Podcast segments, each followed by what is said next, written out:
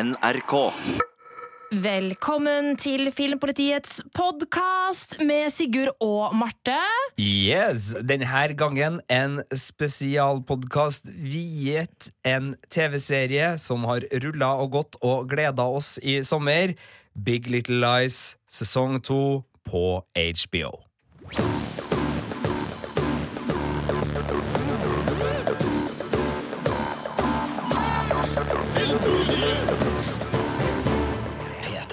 For jeg har i hvert fall kosa meg masse med Big Little Lies eh, i, i sommer. Altså, eh, ja, det er sånn, jeg har rukket å tenke sånn Vet du hva? Det er litt deilig å ha en TV-serie som kommer en gang i uka også, faktisk. Men er det her altså Sesong én kom vel på, på våren? var det? Vinter-vår? Ja, det var, eh, var nyåret. Det var sånn februar eller noe sånt, tror jeg faktisk. eh, Ganske tidlig på året, hvis jeg husker, husker helt feil. Men er det her en ganske perfekt sommerserie, egentlig? Ja. Spesielt i sesong to, hvor det var en litt annen eh, intensitet og et litt annet liksom eh, Ok, jeg drister meg til å si det, altså kanskje du blir, blir fornærma, men enda litt mer såpete. Ja, er, jeg er helt enig i det, og jeg syns at den passer veldig fint på sommeren. Og det handler også litt om hvilke, eh, altså, hvilke kulisser vi er i, på en måte. Der borte i denne lille søvnige Monterey småbyen er jo liksom sånn eh, med, med, ved sjø og båter og Det, det er jo sommer der. Så eh, jeg syns den passa veldig godt inn, og veldig, var veldig sånn eh, lettsett og behagelig. og eh, kvalitets-TV syns jeg at det har vært. Jeg ga jo eh, terningkast fem eh, da jeg anmeldte starten av eh, sesongen. Det var de tre første episodene. Eh, nå er jo da hele smæla ute, og jeg står med femmeren min, jeg. Du gjør det? Jeg gjør det. Ja. Mm. Hvorfor er det her en terningkast fem-serie, Marte Henstad? Eh, det her er en terningkast fem-serie fordi at eh, Altså, jeg må bare trekke frem skuespillerne med en gang. Skal vi gi en liten spoileradvarsel her til folk om at hvis dere ikke har sett ferdig Big Little Lies, så uh, kom tilbake når dere har sett ferdig Big Little Lies. Absolutt. Uh, Det her er godt selskap, uh, selv med folk man ikke liker. Det er det jeg syns er veldig gøy med Big Little Lies. At det er spennende å følge en gjeng med kvinner som er på en måte så Um, tja Ikke alltid like lett å like, da! Utspekulerte, manipulerende, selvsentrerte altså det, det er ganske mange ord du kan bruke her. Eh, Jeg er jo helt enig, men samtidig så, så er det jo noen tiltalende egenskaper ved dem også, så, så det er jo ikke Ja rene karikerte Nei, nei, nei. fælinger. Man har sympati på et eller annet nivå med alle, eh, og selv på en måte de fæleste av dem har noen ting som du kan eh, enten relatere deg til sjøl eller forstå. Eh, Og det syns jeg er veldig smart gjort her. Og jeg syns også at vi nå i denne andre sesongen har kommet litt mer under huden, altså litt mer bak den fasaden som flere av rollefigurene hadde i eh, den første sesongen. Eh, Da tenker jeg spesielt på Reece Witherspoon sin figur, og også Laura Dern sin rollefigur. Jeg syns det har vært kult å komme litt mer under huden på dem. Og så må, må man jo bare si at uh, Meryl Streep Faen, jeg kunne sett på henne i timevis, og det har jeg jo gjort. Og kosa meg så med, mye med det. Ja, hun var jo det store nye tilskuddet, og hun var jo også den som gjorde at det her ble eh, en utrolig dyr serie for HBO å lage. ja. Noe som faktisk har fått enkelte HBO-sjefer til å, å si eh, ting i media som eh, tyder på at kanskje det her var en serie som ble i overkant eh, dyr for Ja. dem. Fordi skuespillerlønningene, når du har Reece Witherspoon, Nicole Kidman, Shailene Woodley, Alexander Skarsgård og Adam Scott og Zoe Kravitz eh, og, og Laura Dern sånn i utgangspunktet er høy, og så kliner du inn Meryl Streep der i tillegg. Ja. eh, Og alle liksom upper kontrakten sin fra Ja, sesong én, så blir det kostbart. Meryl. Streep var faktisk ikke så veldig mye dyrere enn de andre skuespillerne. Eh, Jeg tror faktisk hun var samme Lurer på om Nicole Kidman kanskje faktisk var dyrere i sesong to. Men eh, årsaken var jo at de hadde jo bare forhandla seg til én sesong, ikke sant. Og når den da eh, får en plutselig en sesong to, så kan man forhandle nye kontrakter. Og etter en så stor suksess, så er det klart man kan tyne HBO litt. Så den har jo blitt vanvittig dyr. Um, og jeg skal ikke begynne å diskutere om på en måte har den vært verdt det for HBO? Eh, For det syns jeg er litt vanskelig. Jo, men samtidig så tror jeg vi kan nesten si at den har det. Fordi øh, Sesong én var basert på ei bok. Den skulle lages som en miniserie. Det var liksom en, en greie som sto for seg sjøl. Og, og både jeg og du var jo veldig fornøyd med den som miniserie, og det var ingen av oss som liksom tenkte sånn Nå må det lages en sesong to her. Men det gjorde HBO, og da ble det dyrere. De måtte på en måte uh, dikte litt mer på, på frihånd. Uh, men uh, tallene har jo gått opp. Ja, så vidt jeg har forstått, så har seertallene, spesielt da på lineær titting i USA, som er fremdeles en eh, sånn klassisk avismåte å, å måle på i, i, for seriesuksess i, i statene, så, så er tallene ikke sånn voldsomt mye bedre enn sesong én, Mm. men de er bedre enn sesong én. Og øh, det at vi lager en spesialpodkast om det i lille Norge, det at alle anmeldere anmelder den serien her, det at man snakker så mye om det, det at det blir liksom en, en, et kulturelt lite sånn sommerfenomen, da, og så tror jeg jeg tror det er verdt det for HBO, fordi øh, de er i en litt sånn sårbar posisjon nå fordi Game of Thrones er ferdig. Ja. Eh, det er mange som liksom vurderer å si opp HBO Nordic-abonnementet sitt i Norge når sånne ting skjer. Altså, Netflix eh, nå har jo dem òg møtt litt motgang i siste, men dem rigger seg. Disney Pluss driver og rigger seg. Nå blir jo HBO en del av den nye, nye strømmetjenesten, eh, som også skal innbefatte en del andre TV-aktører. Men, men altså, det er litt sånn sårbare tider, da, og i hvert fall når de starta opp med denne sesongen eh, her, så var det liksom hvem vet hvordan strømmelandskapet spesielt i USA kommer til å se ut om noen år? Apple har meldt seg på, Amazon er virkelig i ferd med å, bli en aktør. Så jeg tenker at for å bare manifestere sin posisjon som kvalitets-TV-leverandør, og som en leverandør av serier folk må se og snakke om, og som anses og omtales som suksesser, så var det verdt det. Ja. Eh, Så eh, trenger jeg virkelig ikke sesong tre, men, eh, men jeg, jeg tror sesong to var et vellykka grep. Og så er jo spørsmålet var det kunstnerisk vellykka, og der skal vi kanskje diskutere litt nå. Men du, du eh, er, har vært positiv. Er det Ja. noe du syns ikke fungerte Nei, i altså, sesong to? Eh, det som er greia, er at eh, den har jo noen svakheter. Sånn, eh, når du tenker på kontra sesong én, som hadde en veldig tydelig på en måte, historielinje eh, og tydelig sånn spenningskurve, på grunn av vi hadde denne hendelsen som man hele tiden får eh, på en måte frampek mot. Eh, vi har eh, flashbacksene om, den, om voldtekten til Shaleen Woodley sin roll, roll of a goo, og, og som skaper en veldig sånn bra spenningskurve. Eh, og den har jo ikke vært like sterk i sesong to, for, eh, fordi at eh, den har ikke det samme krimaspektet ved seg. Eh, men så selv om det har vært kanskje en liten svakhet, så syns, har jeg likevel likt det. Jeg syns det har vært interessant å følge Nicole Kidman sin kamp eh, for barna, eh, og hennes kamp mot eh, manipulerende svigermor. Em, og på en måte interessant å, å følge altså, hvordan eh, drapet det er jo egentlig ikke, Jeg syns egentlig ikke det er et drap, men hvordan dødsfallet da, i sesong én har påvirket disse kvinnene, syns jeg har vært spennende, selv om da denne spenningskurven ikke har vært like intens. da. Ja.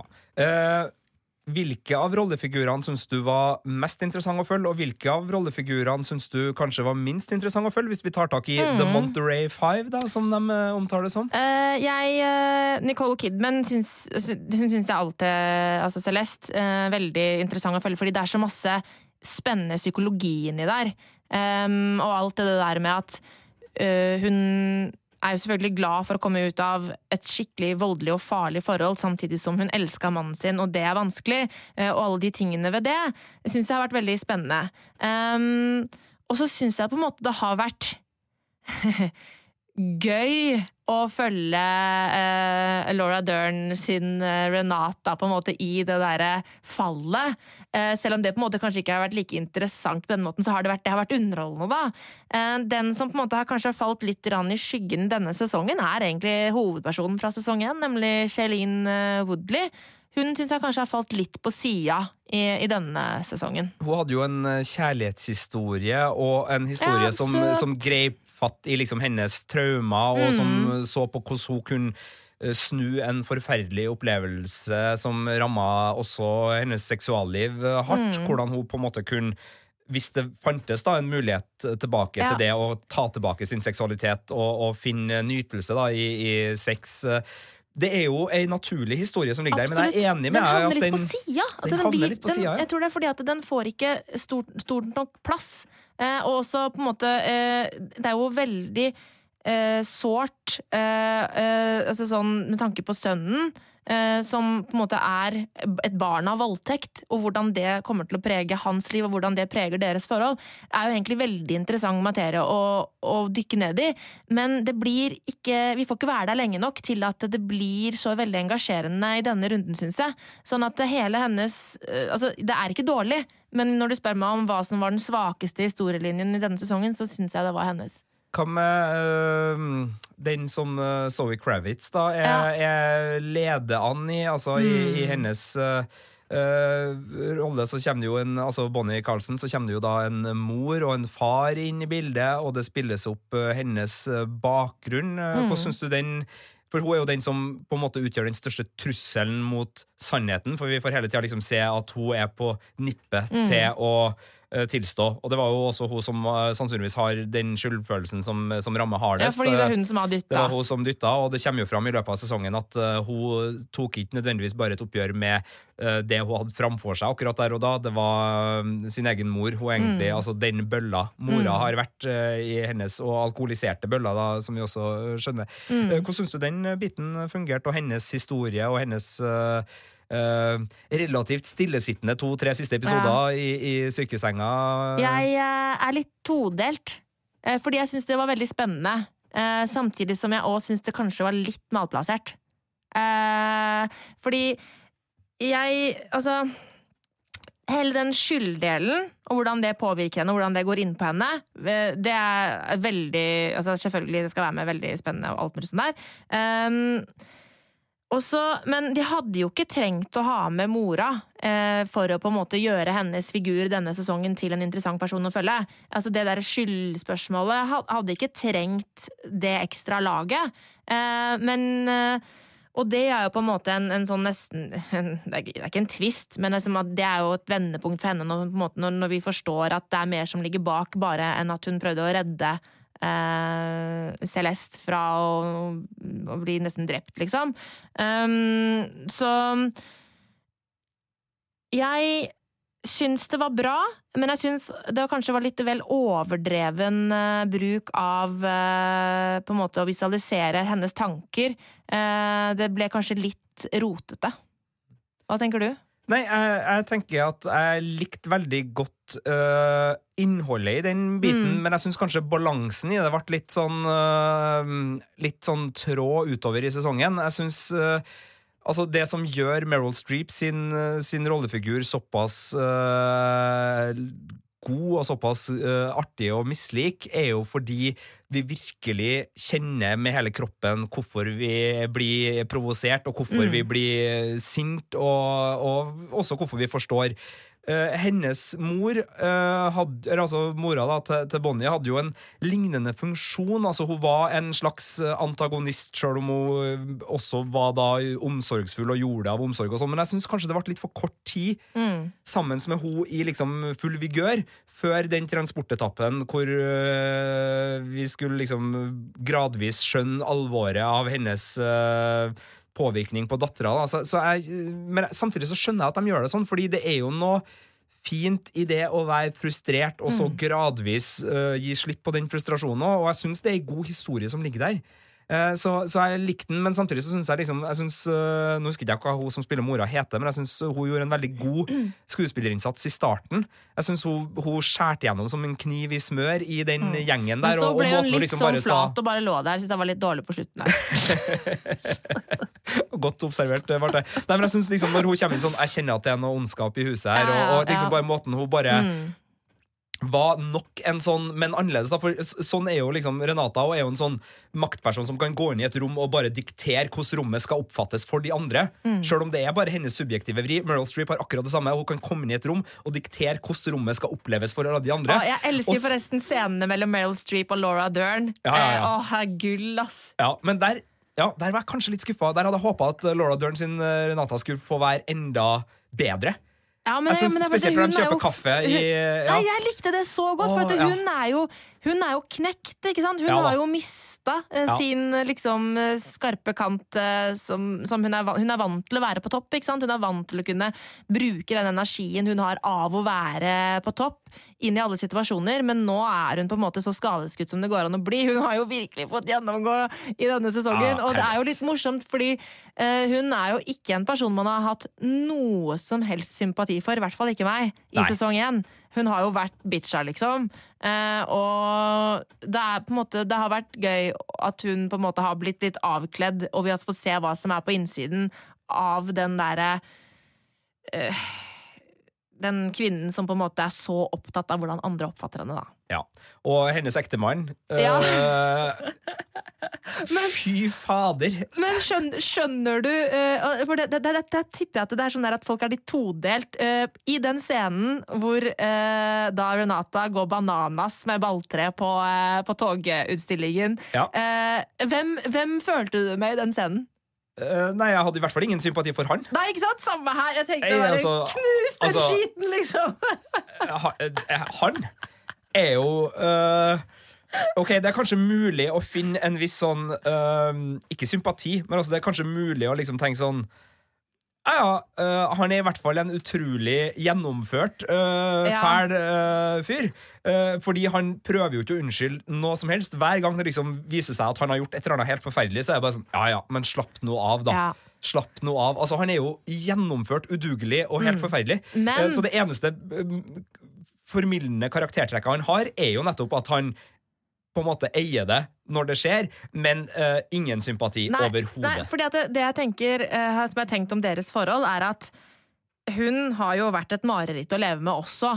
Eh, ikke sant? Altså, man skal ikke unnskylde på en måte utroskap eller unnskylde noe som helst sånt, men altså, ting skjer jo av en grunn hvis ikke du er på en måte er eh, liksom notorisk utro og har en sykdom, liksom. Eh, så, så, så skjer jo ting av en grunn. Og, eh, og da tenker jeg liksom eh, Jeg kan forstå at han på en måte trengte pause fra Renata i det ekteskapet, hvor kontrollerende og på en måte slitsom og sånn som hun har vært, så tenker jeg at jeg, man kan på en måte forstå, men så bikka det over til at han bare blir en douche. Men sånn i starten så tenkte jeg at liksom man kunne forstå han litt, da. Eh, Men så ble han på en måte bare en eh, fullstendig asshole til slutt. Ja, og det er jo et av de der eh, fascinerende gode såpegrepene som denne serien klarer så godt, fordi den smører på så tjukt da, på rollefigurene sine, og, og, og bruker en base av menneskelighet, kompleksitet og nyanser, eh, men så er liksom den tjukke glasuren utenpå er liksom ren, karikert såpeskuespill.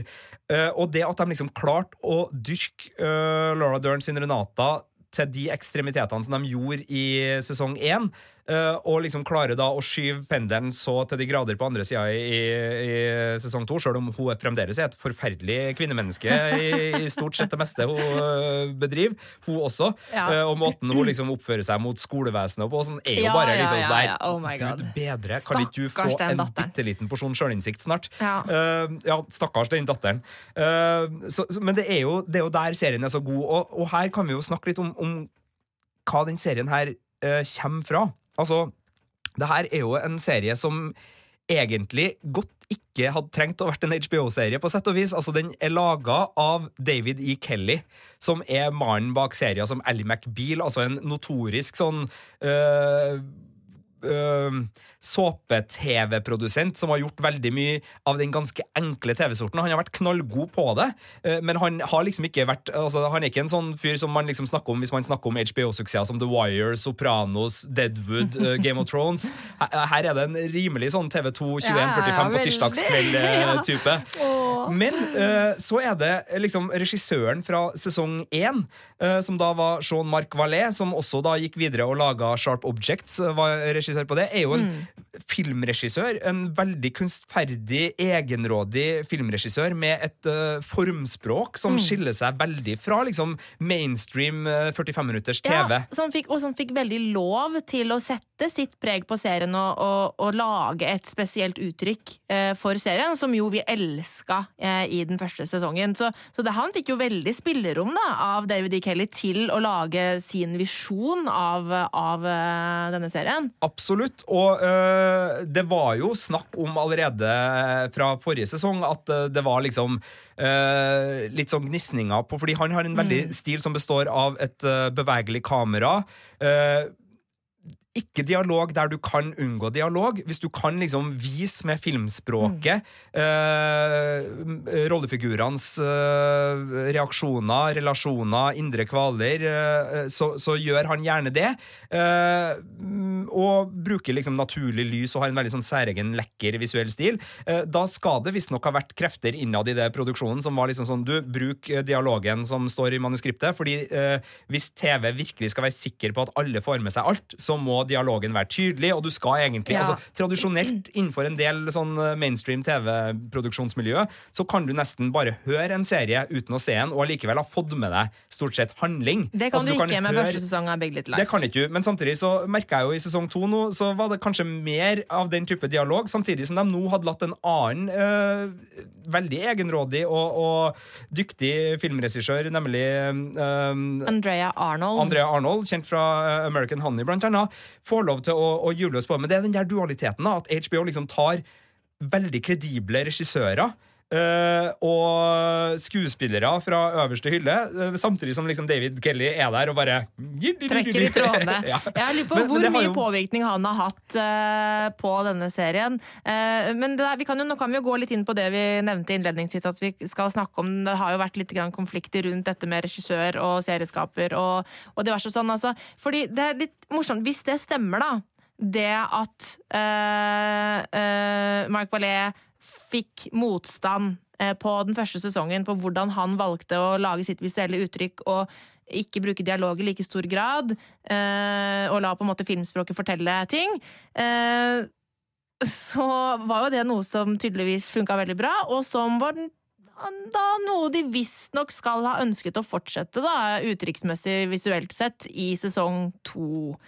Så der har det jo vært en del skriverier som uh, har vært litt sånn fram og tilbake, og HBO har uttalt ting så videre om at hvordan uh, Andrea Arnold har da på en måte blitt fratatt sin kreative, uh, sin, sin kreative Hva kaller de det på norsk? Altså, kreative kontroll. kreative kontroll. Ja. Men der er det jo mye, har vært mye ryktemaking. Ja, vi kan ta et, et kjapt rist her. Det er jo IndieWire, en amerikansk publikasjon som har egentlig kjørt den historien i, i stor Ja. grad. Og de starta da i, i begynnelsen av juli med historie som gikk inn på at eh, Andrea Arnold eh, hadde liksom gjort sine valg, hadde sine opptak, og, og hadde satt sin stil på det. Og det var en stil som dyrka nettopp filmspråket, og som ikke hadde så mange tydelige, eh, sånn typiske TV-scener som er der for å, å forklare med, med tydelighet, men som, som ville vise med, med stemninger og med la rollefigurene få oppføre seg i rommet eh, der, da. Så eh, skal visst da en, han Jean-Marc Vallet har blitt kobla på som eh, konsulent, og det hadde blitt gjort nye opptak. Eh, som da hadde vært for å liksom fikse på en del ting eh, som eh, produsentene, da, muligens da med David E. Kelly i spissen, ikke var helt fornøyd med, med André Arnold sin, eh, sitt eh, visuelle uttrykk og sin kommunikasjonsmåte. Så de gikk over hennes arbeid, tok en del på nytt. Skuespillere ble kalt inn til, til reshoots, og de gikk over da igjen. Og underveis, altså, jeg tror Mye av grunnen til at det var stor nysgjerrighet rundt det her, var både at det hadde vært litt snakk om noe lignende i sesong én, og så var det også flere anmeldere og, og folk som snakka om at det virka som serien hadde litt sånn to forskjellige uttrykk. Altså Det var en del scener som var litt sånn magisk, nesten hypnotisk, og som var veldig sånn dansende og uh, brukt det visuelle for å fortelle. Uh, og så ble det klippet liksom til sånn tett på kamera, ansikt, snakke sammen, Ja. forklare hva som skjedde i forrige scene. Så folk følte liksom sånn, er det litt sånn to forskjellige serier som egentlig uh, har blitt skvisa sammen til én her, altså to forskjellige uttrykk. Og det gjorde jo at det var veldig stor nysgjerrighet rundt det her, og IndieWire laga da denne artikkelen. Så har det jo kommet i etterkant både beskjed fra HBO, senest nå nylig, og, og fra andre også, som har liksom sagt at sånn, det er ikke uvanlig. Nei, det er ikke Og det uvanlig. er det jo virkelig ikke. Nei. Altså, det er ikke Regissøren har ikke total kreativ kontroll i sånne settinger. Nei. Eh, Det er en gradering, selvfølgelig. altså Av og til så har regissøren kjempestor kreativ kontroll fordi regissøren får det til. Av og til så er det showrunner, som da er David Kelly i dette tilfellet. Vi har ikke et veldig godt norsk ord på showrunner, Nei. men i USA så er det ofte sånn at det er manusgjengen og showrunneren som liksom har mye makt da, i en, en TV-prosess, og så har liksom regissøren har, i filmverden hatt mye mer makt, men altså den balansen er litt ulik. Men det varierer jo fra serie til serie og fra miljø til miljø. Ja, Det spørs litt og hvem som er involvert. ikke sant? Ja, øh, Men her har det tydeligvis da vært en sånn øh, blanding, og, og noen har sannsynligvis med, med sitater og informasjon fra deler av produksjonen uh, bobla opp til overflaten som om at uh, HBO har liksom eh, gått over og tatt fra eh, Arnold-kontrollen, mens eh, HBO sjøl og andre mener at det her er naturlig. Hun har aldri hatt den. Hun har Eh, aldri hatt siste ord. men- Hun har vært regissøren. Og, Og, det, og det er jo helt riktig, og det er jo helt eh, Og sånn er det. Eh, men om på en måte det det, om det er bra, eh, kan man jo diskutere, da. Eh, om om eh, hun skulle fått lov og satt 100% sitt visuelle uttrykk på det. Om, eh, ikke sant? Altså, men, men det er jo sånn at um, Hun ble jo ansatt fordi Sean Mark Valais ikke kunne. ja, han drev med Sharp Eh, Objects, alle ting, så Sånn det er jo at, eh, kjempesnedig De ville som jo egentlig ha han, og han står jo sånn på rulleteksten, sånn, han er jo sånn special thanks Ja. eh, to Helt til Jean Marc slutt. Sånn at liksom eh, så jeg, jeg, jeg, jeg skjønner Altså, jeg hadde kanskje vært litt pissed hvis jeg var Andrea Arnold. eh, det, for det er jo sånn der, Man vet jo ikke Hvis det er sånn at hun har fått beskjed om at OK, i sesong én så fikk Sean Mark Valais lage sin visjon. Eh, tydeligvis da med litt motstand da, men som jo de har vært fornøyd med i ettertid. Eh, nå kan du få lage din visjon, hvis hun har fått høre det at liksom, du skal få lov til å lage din visjon, og så etterpå så går Sean Marc overalt og er, eh, er med i klipperommet og klipper hele dritten, og, og tar reshoots og sånn, så skjønner jeg jo at det kan være litt sånn Faen, da.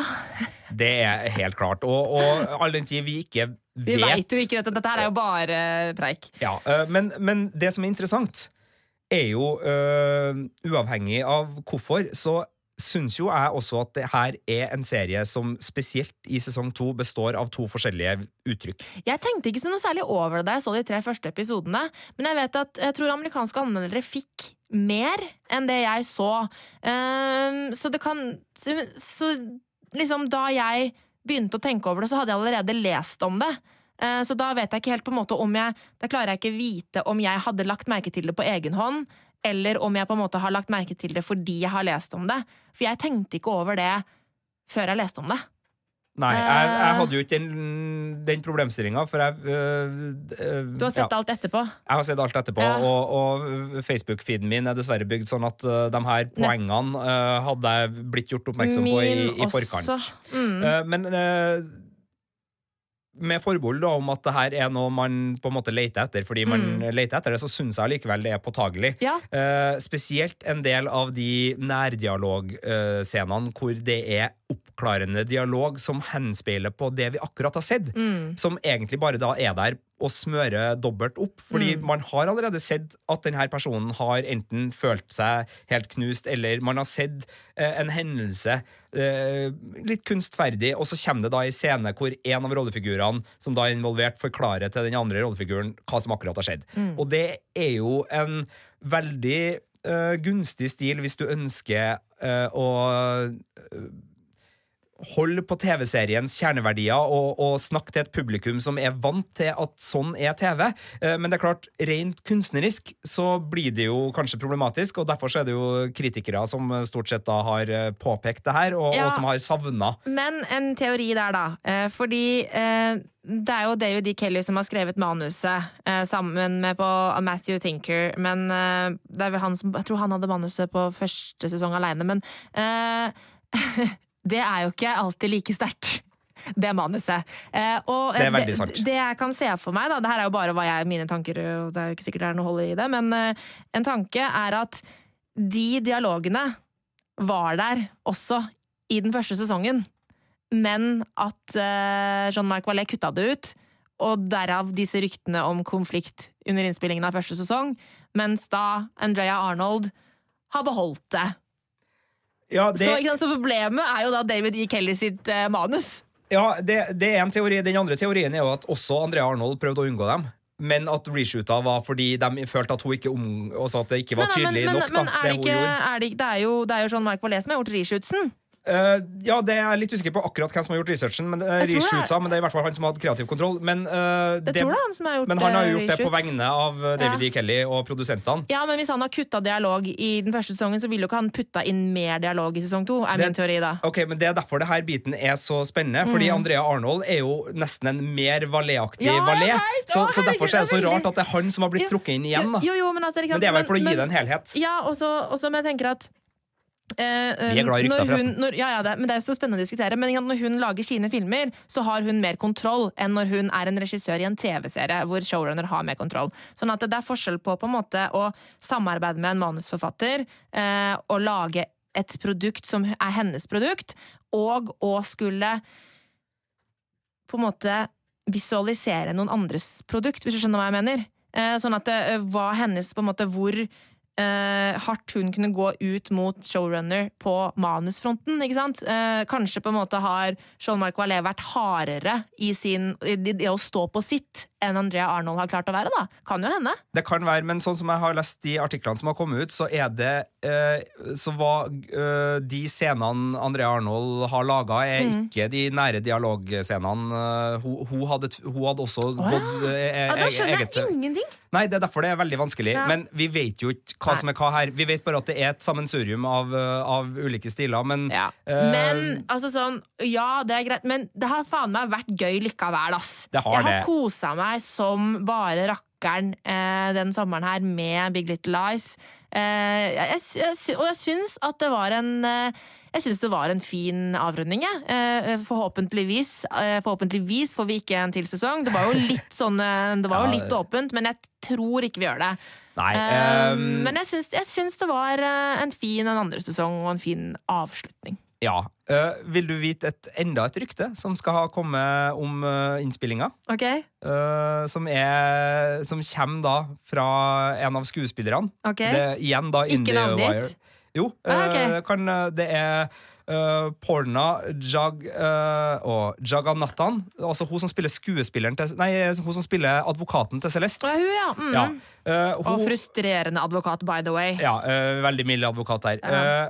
Hun uh, snakka om Andrea Arnold og, og den angivelige da, ma, tapet av kreativ kontroll. Ja. Og hun snakker da om Meryl Streep, som dytta tilbake og ikke eh, så på sin rollefigur som den onde. Mm. Så hun ville ikke at scenen tydelig eksplisitt skulle liksom ende opp med at vi fikk en følelse av at uh, Hun var, uh, hun var antagonisten, altså Men- at hun var skurken. Men så, hun, bra! Det syns jeg er dritbra! ja, For det er jo noe som gjør hennes rollefigur så utrolig interessant.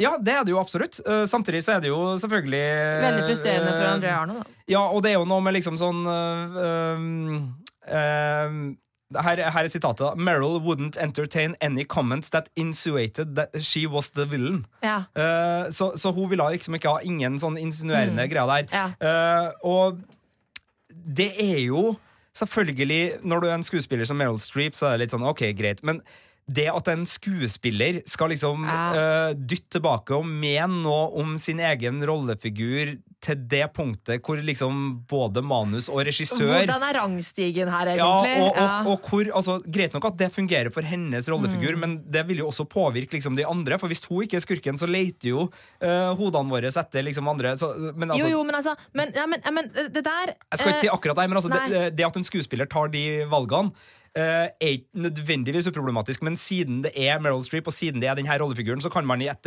ja, klokskapen si at ja, ja, det var kult. ja, men men sånn, i utgangspunktet så er jo det det er jo ikke så kult nei. for Arnold hvis det her stemmer, da. Det, det, det skjønner jeg veldig godt, og, og det, jeg vet ikke om det er noe jeg heier på at skuespillere skal oppføre seg sånn, for å si det sånn. Eh, eh, det er jo problematisk, eh, kan være.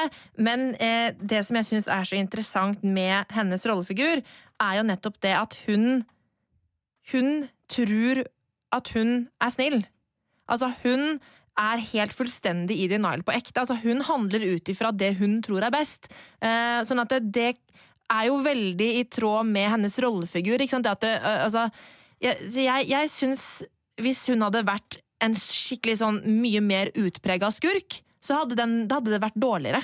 Mener jeg. Fordi eh, det at hun er et menneske som på en måte eh, handler ut ifra det hun tror er rett, gjør at det fungerer. Og eh, selv på en måte At hun nekter å innse sine egne feil, er jo kjempespennende. ikke sant? Det at hun rett og slett fortrenger ting som faktisk har skjedd, fordi at hun ikke kan tro på på en måte sin egen eh, grusomhet, eh, er jo liksom veldig interessant, da. Eh, Så, så jeg syns at det er det som gjorde Meryl Streep sin figur spennende å følge i, i denne sesongen, da. Jeg er jo enig, og det som jeg syns er veldig snedig med den uh, siste episoden spesielt, men altså den, det, hele den storylinen om liksom uh, barna og, og Mm. hvor de skal være, er jo at jeg syns jo virkelig at de barna burde ha sluppet begge. Uh, både Nicole Kidman sin rollefigur og altså, Syns du det? Ja, altså, ikke sånn det syns jeg er veldig ja, det er å hardt ta å si. i, men, men det er liksom ikke en sånn ren kamp mellom den som bør og den som ikke bør. Altså Nicole Kidman sin rollefigur Hun tar piller og kjører Mm. av veien. Hun ø, mishandler barna sine i et forsøk på å bryte opp en slåsskamp, riktignok, men, men allikevel, det, altså hvis det der skjer, så, så er det jo uh, bekymringsverdig, for å si det pent. Og uh, den måten hun liksom har fremdeles et veldig uferdig forhold til sin egen bearbeiding av Perry Ja, og, men og unnskyld meg, men at det skal gjøre at man skal miste barna sine det Alle ikke være, har men- jo men- ting å jobbe med. Vi er mennesker, liksom. Men- det er ikke men sånn at med ikke sånn at en gang et menneske liksom- får et problem, så eh, er barnevernet neste altså, det, Man må jo Helt klart. Det blir, det blir for svart-hvitt. For sånn Vi mennesker er ikke svart-hvitt, liksom. Men det er ikke sånn at jeg liksom sånn udelt sitter og liksom sånn øh, øh, tenker at ja, hun må ha det, for hun er, på, altså, hun er det klart beste alternativet. Nei, det selvfølgelig ikke. Eh, Men for det hun, hun har såpass mange skavanker. Hun har at- issues. ja, Men det eh, betyr, at folk har issues, betyr ikke at de automatisk skal miste barna sine, liksom. Nei, nei, men altså sånn Jeg synes ikke Jeg hadde ikke vært for at jeg mistenker at uh, Mary Louise er er verre, så hadde jeg jo egentlig tenkt at det å bo hos bestemor i en periode hadde vært kanskje det beste. Ja. for de barna. Hvis hun hadde vært verdens eh, snilleste Ja, bare, ikke verste psycho. Men, men det liker jeg veldig godt. da Eh, Det var egentlig det jeg skulle si, at, at serien liksom klarer å få til en rettssak hvor du liksom ja, ja du, du må liksom tenke deg om. da Det er ikke en Mm. rettssak som er like enkel som, eh, som type Ally McBeal-rettssakene. Der, det liksom sånn, der ei side må vinne Ja. fordi det er så beint er de gode, opplagt. og det er de onde, altså, det- ja. det er jo ganske mange fæle folk på begge sider her. Mm. Og jeg syns jo også. Men jeg syns ikke Nicole Kidmans rollefigur er, er fæl folk. ikke fæl, Nei. men uh, hun, hun har sider ved seg som jeg ikke syns er spesielt uh, sympatisk. Ja, men det er jo men- noe som stammer ut fra hennes traumer. Det er ikke, hun er jo ikke en dårlig person. Hun, jeg tenker at hun er en egentlig veldig snill person som har gjennomgått uh, ting som har gjort henne Ja, altså, som har gitt henne problemer, da.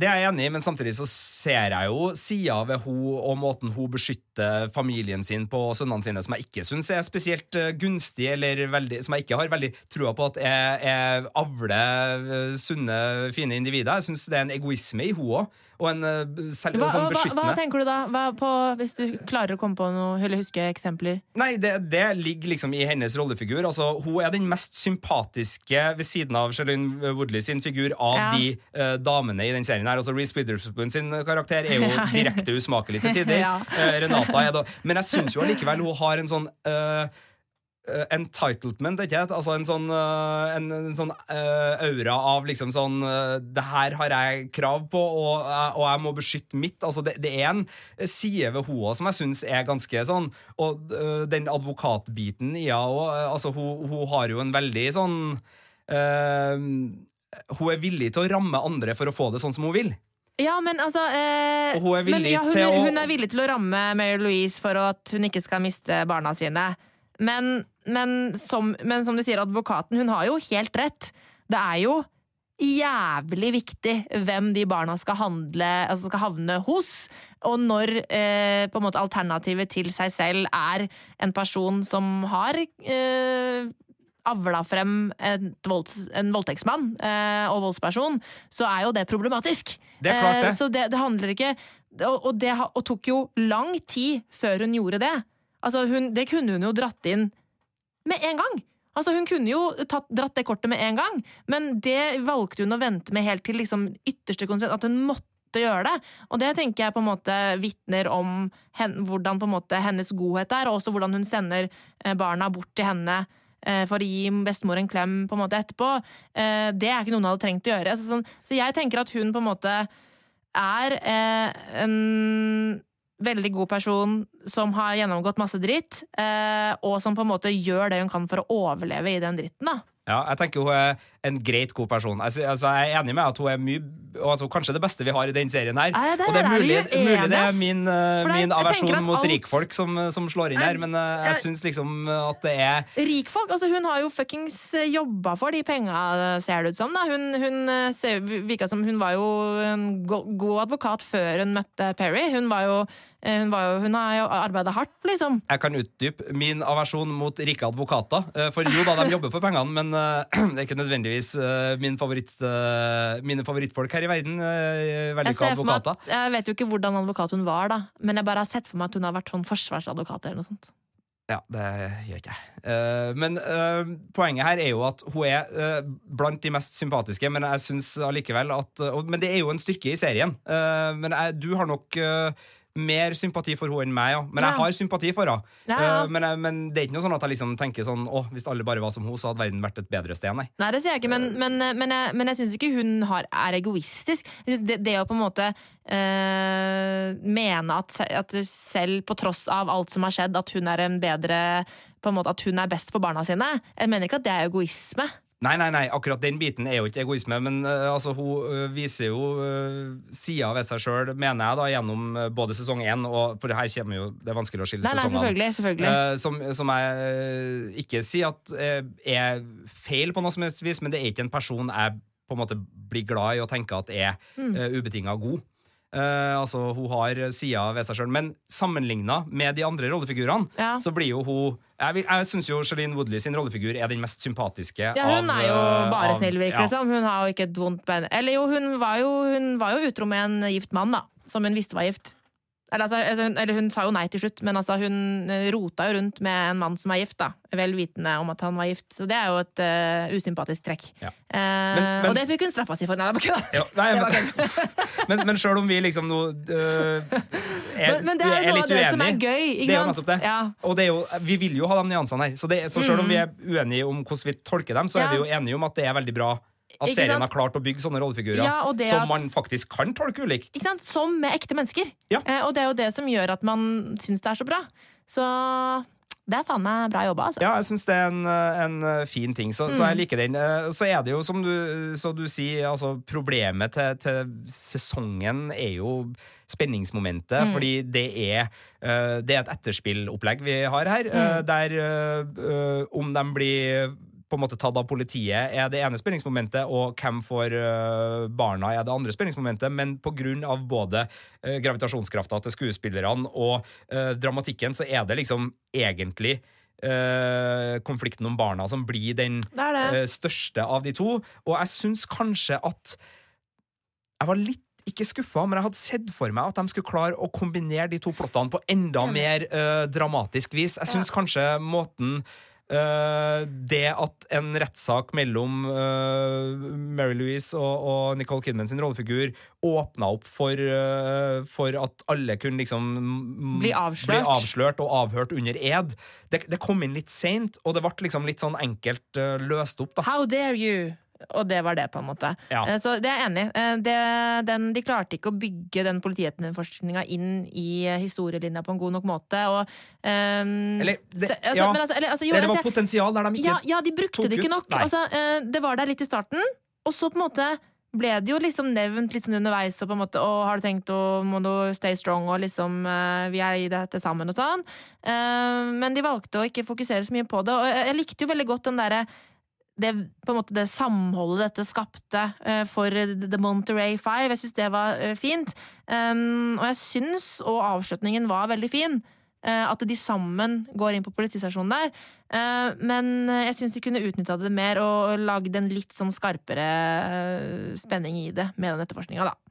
Hva syns du om øh, For nå har vi jo snakka om de fleste handlingstrådene her, men den som da går på Madeline og Ed sin, Mm. øh, sin domestic øh, Altså hjemmefrontlinje, Mm. da, med utroskap avslørt og, ja. og til slutt da forsoning og fornyelse av ekteskapsløfter. Hvordan syns du den plottlinja funka? Den likte likte jeg godt. Eh, For meg så virka det veldig sånn realistisk. eh, Hvordan på en måte et, eh, et ekteskap på en måte kan være vanskelig, og det, og det at det, måte, det er ikke bare å tilgi og move on. Altså det, det å på en måte ja, likevel ville leve sammen og fortsette etter noe sånt, eh, er vanskelig. Så jeg likte veldig godt det.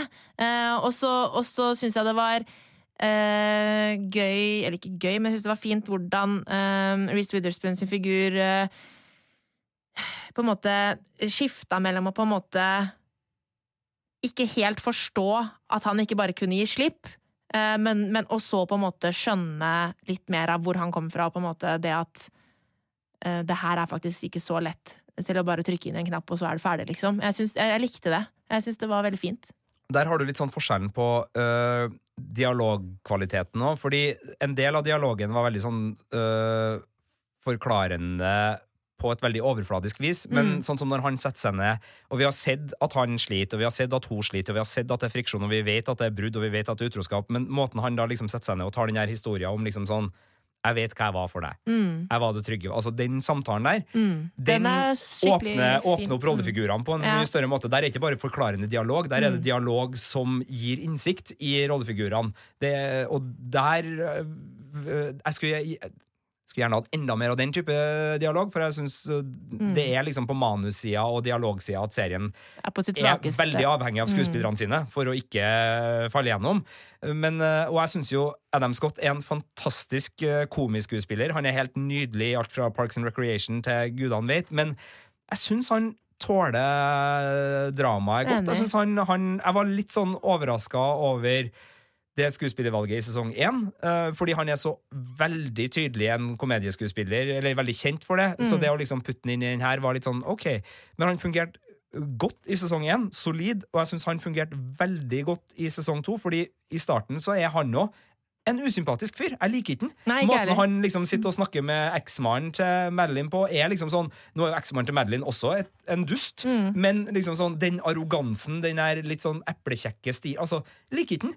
Men liker den bedre og bedre utover, og Mm. har voldsomt sympati med han i, i, i møte med, med Madeline. Spesielt fordi han faktisk klarer å få henne til å forstå Mm. noe som hun uh, i sin enkleste form, da. Og det, det er vel litt derfor jeg, eh, har litt problemer med Nicole Kidman sin rollefigur òg. Fordi den personligheten hun har, og den, på en måte, det blikket på den verdenen de lever i, er sånn som avler sånne som Madeline. da det er sånne personer du får opp av å føle seg så privilegert og føle seg så uh, Ja, en title, altså at du har liksom Det her er det som er rett for meg. Mm. Eh, og, og det er derfor jeg liksom sliter litt med hele gjengen.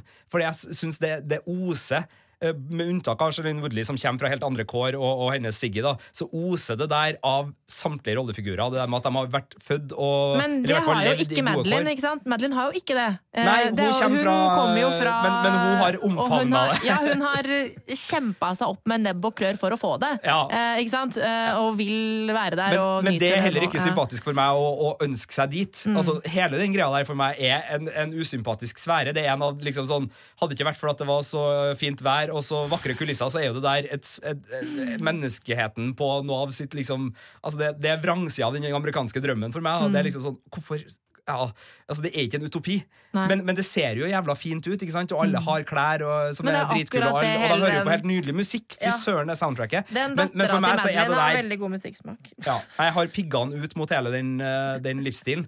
Eh, Så derfor så er Men det det er jo hele poenget med serien nå. At Ja. ikke sant, den glossy eh, fasaden eh, er full av dritt på undersiden. Ikke sant? Så, eller på innsiden. Det er, det, det er jo det serien handler om. Ikke sant? Så, ja. Men jeg syns det er viktig også da å, Mm. å minne oss på at eh, den det, den dritten eh, korrumperer også menneskene som Mm. bor der. Ikke bare når de er der, men også hvorfor de har valgt å strebe etter det her. Mm. Uh, så det er den biten som, som sitter i Gamle punkere, vet du. Liker ikke det her. Uh, mens uh, Charlene Woodley sin rollefigur er, er mer sånn ufrivillig dratt inn i det på av eh, omstendigheter utenfor hennes uh, Uh, Hun har jo valgt å flytte dit. Ja da, uh, det har hun. Men uh, ja, nei, så det, så det er lettere å sympati. Men det var uh, mye prat om, eh, om eh, sympatistrukturer i, i Big Little Lies sesong to. Uh, fa ikke fantastisk serie, men, men en flott uh, underholdningsserie som, som både Altså, jeg syns jo den advokatkampen på slutten der var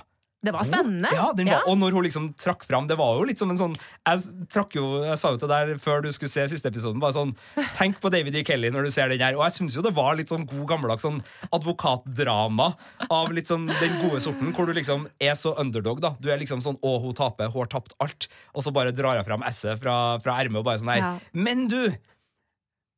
Mm. Gjorde ikke du noe? Øh, og Men, det og, bare men det likte jeg òg veldig godt, at det ikke, at det ikke på en måte direkte på en måte hvitvaska henne. da. Det at eh, hun kunne bevise at hun har eh, blitt utsatt for eh, grov vold. For sånn som det ble sagt etter hvert òg, at ja, det, det at du har blitt, nettopp det, at du har blitt utsatt for dette, eh, kan gjøre det vanskelig for deg å, å være en god mor. ikke sant? Så det syns jeg var på en måte veldig bra, at ikke det var bare sånn derre ja, hun dro frem esset, men det var ikke det at hun vant umiddelbart pga. det. Og sånn som da dommeren avsa sin dom også, så, så var det på en måte Du har problemer, liksom, men eh, disse barna her får det bare en, har vært gjennom nok. Eh, de får lov å bli hos deg, på en måte. Ja, og sjøl om det var en seier, så var det egentlig en seier gjennom øh, ødelegge for den andre, Mm. uh, uten å, å renvaske seg sjøl, som du sier. Så det, så det er en sånn øh, Ja, hvis man kan kalle det bitter, bittersøtt, Mm. så er det jo virkelig det. For uh, om ikke for all offentlighet,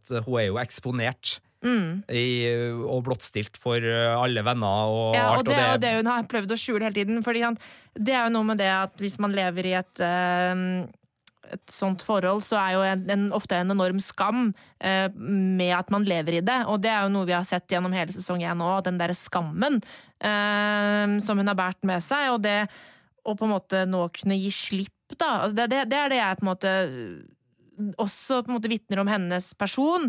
At hun velger å på en måte trosse skammen eh, for eh, barnas beste. Da, det hun ser som barnas beste. Så synes jeg var veldig fint.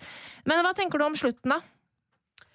Nei, den er egentlig Altså, hva tenker jeg skjer etter slutten, er vel egentlig det mest øh, Ja, fordi, sånn ting det er, hvem, hvem blir straffa her nå? Ja, for det, det ikke jeg skjønner, er at det, hvis de hadde på en måte bare fortalt alt med en gang Det var jo uh, selvforsvar.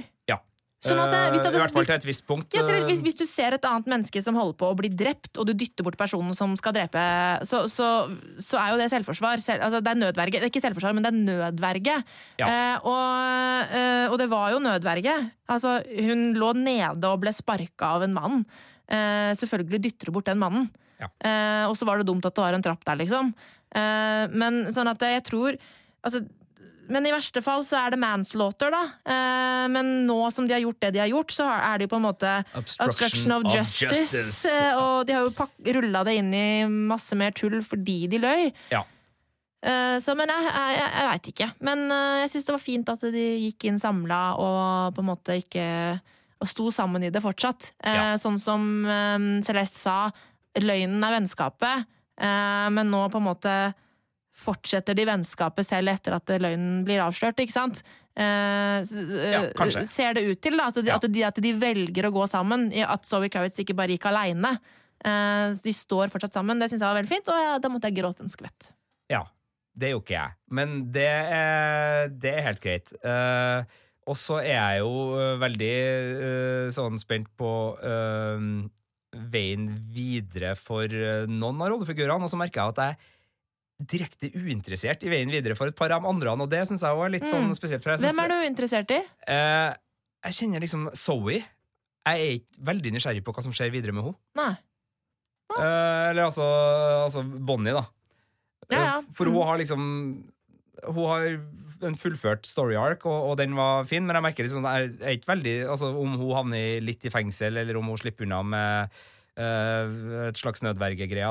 Altså, jeg er ikke veldig ny, men jeg er kjempenysgjerrig på hva som skjer med liksom Uh, Siggy og hans halvbrødre Ja, og liksom det å den- vokse ja. opp uh, med å skjønne at du er et resultat av voldtekt.